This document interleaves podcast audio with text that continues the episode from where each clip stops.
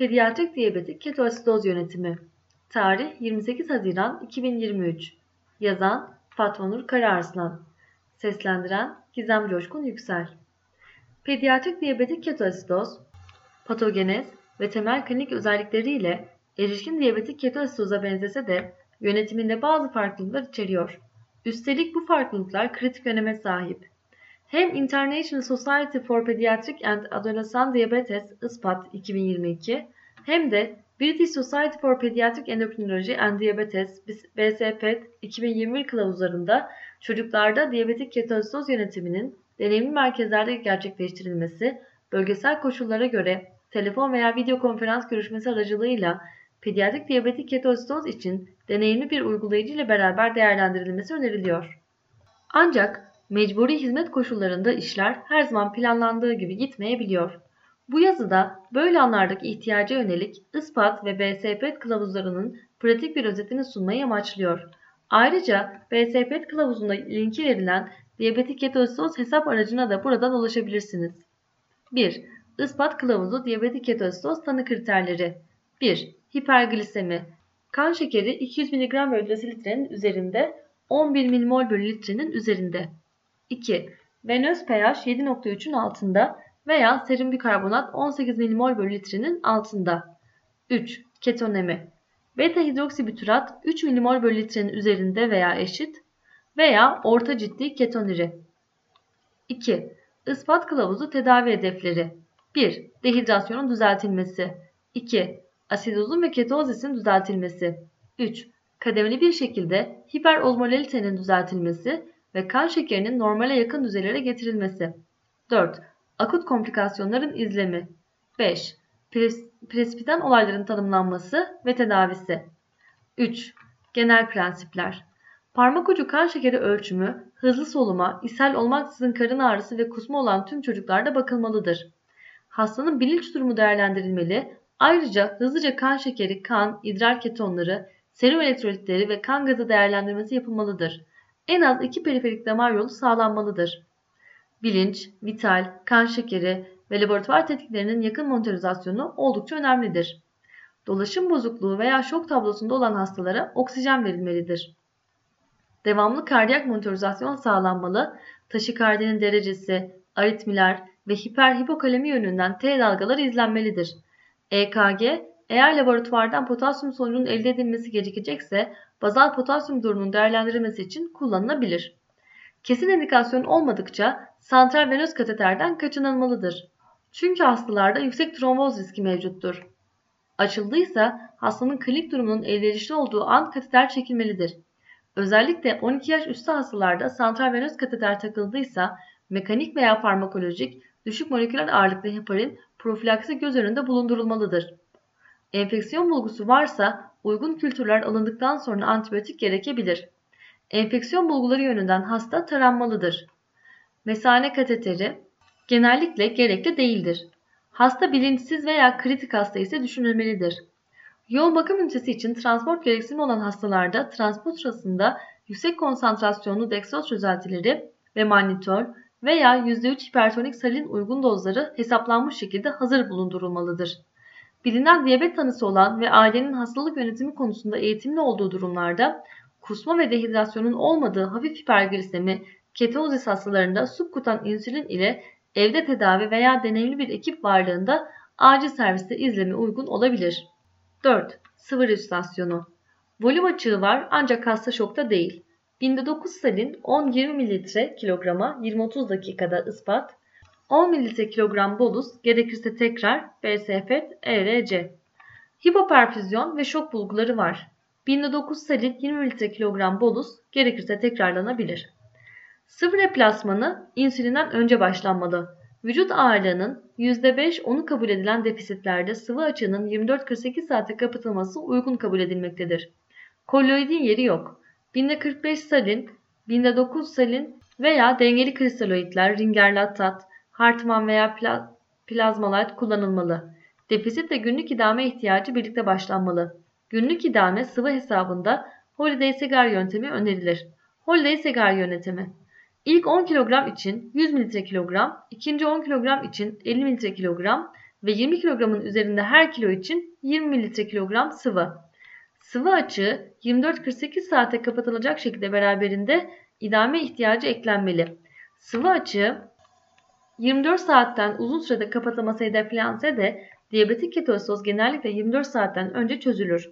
Bu durumda subkutan insüline geçiş sonrası oral sıvılarla devam edilmelidir.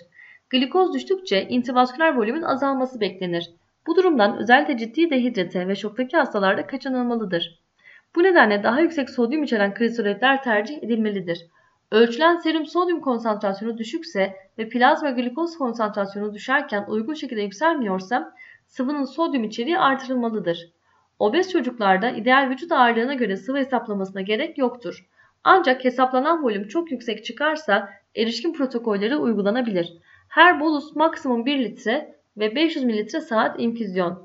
Klordan zengin sıvıların yüksek volümlerde kullanımı hiperkloremik metabolik asidoz gelişimiyle ilişkilidir.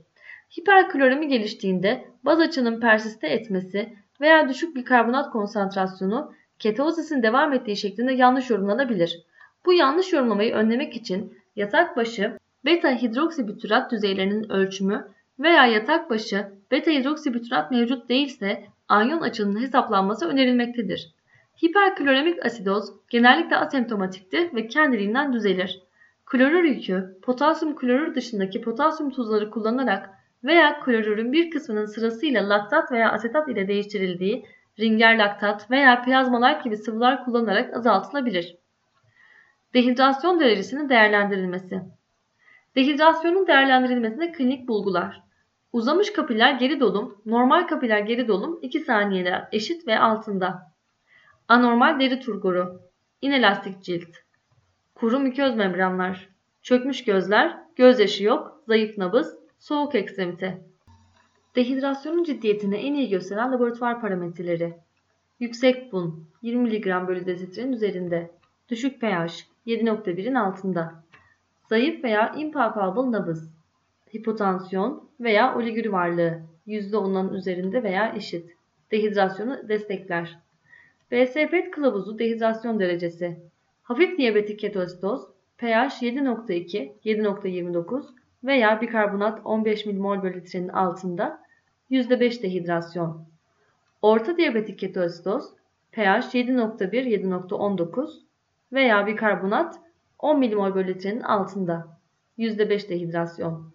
Ciddi diyabetik ketositoz pH 7.1'in altında veya bikarbonat 5 mmol bölü litrenin altında. %10 dehidrasyon. 5. İnsülin tedavisi.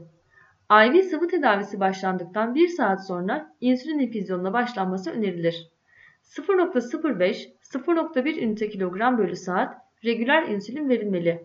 En düşük doz olan 0.05 ünite kilogram saat dozu pH 7.15'in üzerinde olan çocuklarda düşünülebilir.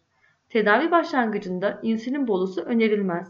Ozmotik basınçta hızlı düşüşe ve hipokaleme yol açabileceği için zararlı olabilir. İnfüzyon seti infüzyona başlanmadan insülin ile yıkanmalıdır.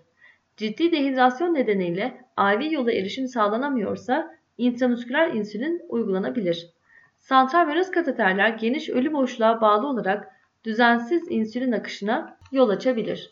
Bu nedenle insülin infüzyonu için santral kateter önerilmez. Diyabetik ketositoz düzelene kadar pH 7.30'un üzerinde, bikarbonat 18 mmol litrenin üzerinde, beta hidroksibütürat 1 mmol bölü litrenin altında ve anyon açının düzelmesi, insülin infüzyon hızı 0.05-0.1 ünite kilogram bölü saat düzeyinde tutulması gerekir. Bazı durumlarda kan şekeri normalizasyonu daha uzun süre olacaktır. Her 2 saatte bir venöz pH ve mümkünse serum beta hidroksibütürat konsantrasyonunu izleyin. İnsülin etkisi yeterliyse serum beta hidroksibütürat seviyesi saatte yaklaşık 0.5 mmol bölü litre düşmelidir. Beklenen biyokimyasal iyileşme oranı oluşmazsa insülin dozunu artırılabilir. Çocuk insüline belirgin bir duyarlılık gösteriyorsa, örneğin diyabetik ketositozlu bazı küçük çocuklar, hiperglisemik hiperozmolar durumdaki çocuklar, metabolik asidozun düzelmeye devam etmesi koşuluyla insülin dozu azaltılabilir. Daha az şiddetli diyabetik ketositoz için pH 7.15'in üzerinde 0.05 kg bölü saat, hafif diyabetik ketositoz ile 5 yaşın altında 0.03 ünite kilogram bölü saat asidozu çözmek için genelde yeterlidir. Plazma glikoz konsantrasyonunda ve hipoglisemide aşırı hızlı düşüşü önlemek adına plazma glikozu yaklaşık 250-300 mg bölü desilitreye düştüğünde veya kan şekeri düşme hızı yüksekse ilk sıvı resitasyonu sonrasında saatlik 5 mmol bölü litrenin üzerinde daha önce IV sıvıya %5 deksoz eklenmelidir. Metabolik asidozu düzeltmek için insülin infüzyona devam edilirken hipoglisemiyi önlemek için %10 hatta %12,5 deksoz kullanılması gerekebilir. Diyabetik ketoasidozun biyokimyasal parametreleri venöz pH, anyon açığı, beta hidroksibütirat konsantrasyonu düzelmezse çocuk yeniden değerlendirilmeli. İnsülin tedavisini gözden geçirilmeli ve insüline bozulmuş yanıtın enfeksiyon, insülin hazırlama veya uygulama yolundaki hatalar gibi diğer olası nedenleriyle değerlendirilmelidir. Sürekli IV uygulamanın mümkün olmadığı durumlarda ve komplike olmayan hafif ila orta derecede diyabetik ketoasidozlu çocuklarda saatlik veya 2 saatlik subkutan hızlı etkili insülin analoğu, insülin lispro veya insülin aspart güvenlidir. IV infüzyon kadar etkili olabilir. Ancak periferik dolaşımı bozulmuş çocuklarda bu yöntem kullanılmamalıdır. Subkutan hızlı etkili insülin için doz 2 saatte bir 0.15 ünite kilogram sıvı replasmanı başlandıktan 1 saat sonra başlanır. Deksoz eklendikten sonra bile kan şekeri 90 mg bölü desilitreden daha fazla düşmeye devam ederse doz 2 saatte bir 0.1 ünite kilogram olacak şekilde düşürülebilir. IV infüzyon veya hızlı etkili insülin analogları mevcut olmadığında hafif diyabetik ketoasidozda her 4 saatte bir kısa etkili regüler insülinin subkutan uygulaması başka bir alternatiftir. Subkutan regüler insülin için doz, önerilen başlangıç dozu her 4 saatte bir 0.13-0.17 ünite kilogram bölü doz, bölünmüş dozlarda 0.8-1 ünite kilogram bölü gün, dozlar bir sonraki insülin enjeksiyonundan önceki kan glikoz düzeyine bağlı olarak %10-20 oranında artırılır veya azaltılır. Asidoz düzelmezse doz sıklığı 2 veya 3 saatte bir uygulanacak şekilde artırılabilir. Potasyum replasmanı Potasyum replasmanı için ayrı bir IV yol kullanılması önerilir. Başlangıç potasyum seviyeleri 3,5 mmol bölü litrenin altında olan çocuklarda insülin tedavisinin ertelenir ve kardiyak motorizasyonla birlikte 0,5 mmol bölü kilogram saat hızını geçmeyecek şekilde bolus potasyum verilir. Çocuk hiperkalemik ise idrar çıkışı belgelerine kadar potasyum replasman tedavisi ertelenmeli. Potasyum olmayan sıvılarla infüzyona başlayın, potasyumu saatte bir yeniden ölçün ve serum potasyumu 5,5 mmol bölü altına düştüğünde serum potasyum infüzyonuna başlanmalıdır. Hiper hipokalemi yoksa ilk volüm resitasyonundan sonra ve insülin infüzyonu ile beraber potasyum replasmanına başlanmalı. Laboratuvar potasyum sonucuna hızlı ulaşılamıyorsa EKG ile hipohiperkalemi bulguları mutlaka taranmalı. İnfüzyon, infuzattaki potasyum konsantrasyonu 40 mmol bölü litre olmalıdır. Devamında ise hastanın potasyum düzeyine göre karar verilmelidir. Potasyum fosfat, potasyum klorit veya asetat ile beraber verilebilir. Örneğin 20 mmol bölü litre potasyum klorit ve 20 mmol bölü litre potasyum fosfat veya 20 mmol bölü litre potasyum fosfat ve 20 mmol bölü litre potasyum asetat şeklinde hazırlanabilir. Tamamını potasyum klorit olarak kullanmak hiperkloremik metabolik asidoz riskini artırır. Tamamını potasyum fosfat olarak kullanmak ise hipokalsemi riskini artırır. IV sıvı tedavisi devam ettiği müddetçe potasyum replasmanı da devam etmelidir. Maksimum uygulama hızı 0.5 mmol bölü kilogram saat olması önerilir. Maksimum hızda potasyum replasmanı yapılmasına rağmen potasyum düşmeye devam ederse insülin infüzyon hızı düşürülebilir. 7. Fosfat Tedavi sırasında %50-60 hastada hipofosfatemi gelişmektedir. Esas belirleyici metabolik asidozun ciddiyetidir. Tedavinin herhangi bir safhasında hipofosfatemi gelişebilse de 24 saatten uzun oral alım olmaksızın IV sıvıların devam etmesi hipofosfatemiz riskini artırmaktadır. Ciddi hipofosfatemik nadir görülse de ciddi klinik sonuçları vardır. Metabolik ensefalopati, nöbet, bozulmuş miyokardiyak kontraktilite, ventriküler aritmi, solunum yetmezliği, hemolitik anemi, proksimal miyopati ile kas disfonksiyonu, disfaji, ileus ve rabdomiyelize yol açabilir. 1 mg bölü altındaki ciddi hipofosfatemi durumunda semptom olsun olmasın hızlıca uygun tedavi gereklidir. İnsülin hızı düşürülmeli, gerekirse kısa süreli ara verilmelidir. Fosfatın rutin replasmanı ile ilgili çalışmalar kısıtlı ve kanıta dayalı kılavuz önerileri eksiktir. Ancak ciddi diyabetik ketoazidoz hastalarında profilaktik rutin fosfat replasmanı bu tedavinin erişebildiği merkezlerde önerilmektedir. Fosfat infüzyonu sırasında magnezyum ve kalsiyumun yakın monitörize edilmesi gereklidir.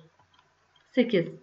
Asidoz ve bikarbonat Sıvı ve insülin replasmanı asidozu düzeltmek için çoğunlukla yeterlidir.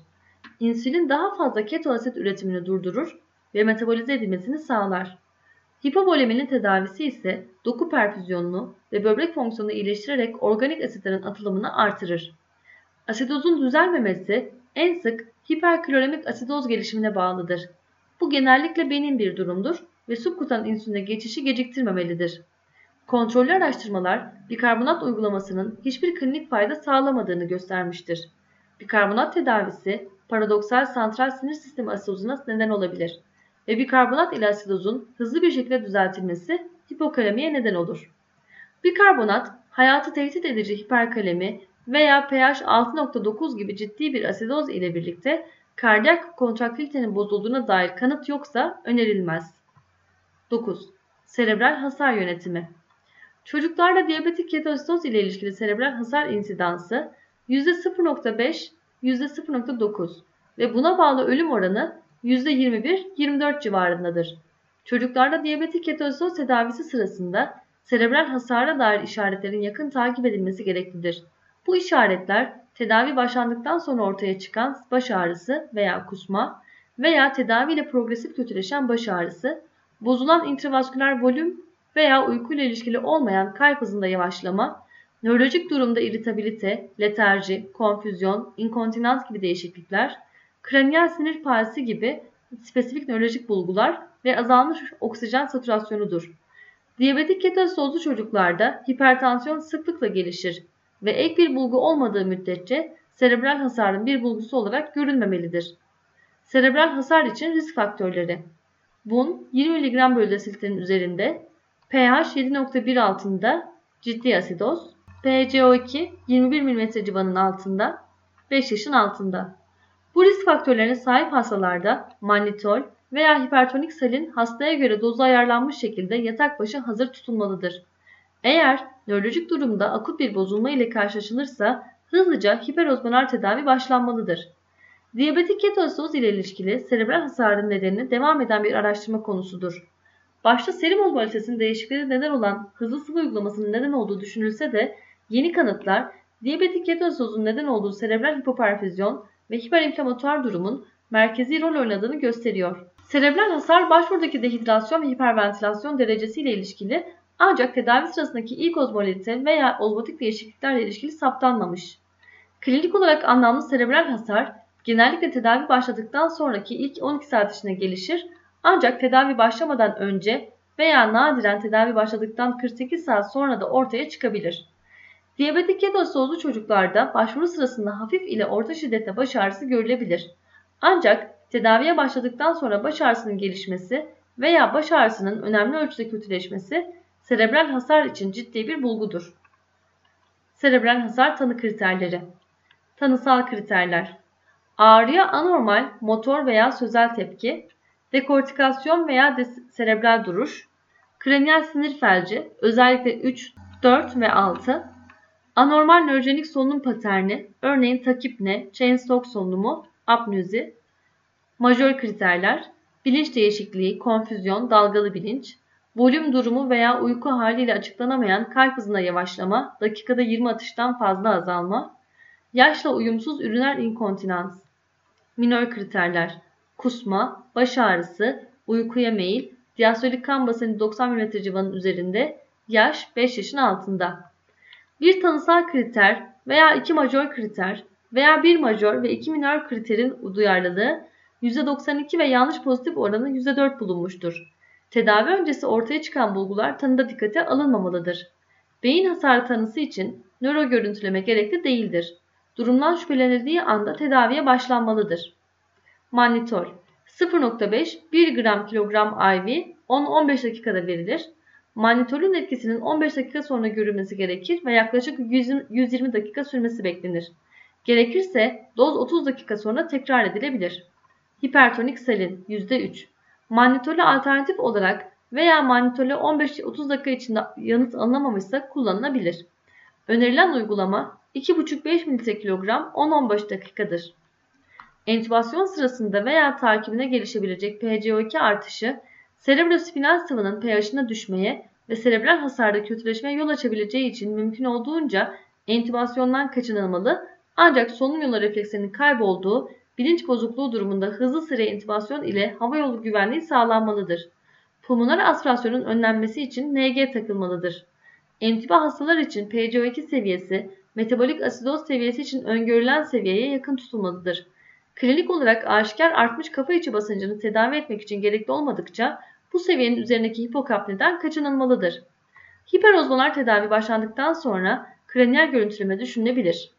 Bununla birlikte serebral hasarla uyumlu semptomları olan hastalarda görüntüleme elde etmek için tedavi geciktirilmemelidir.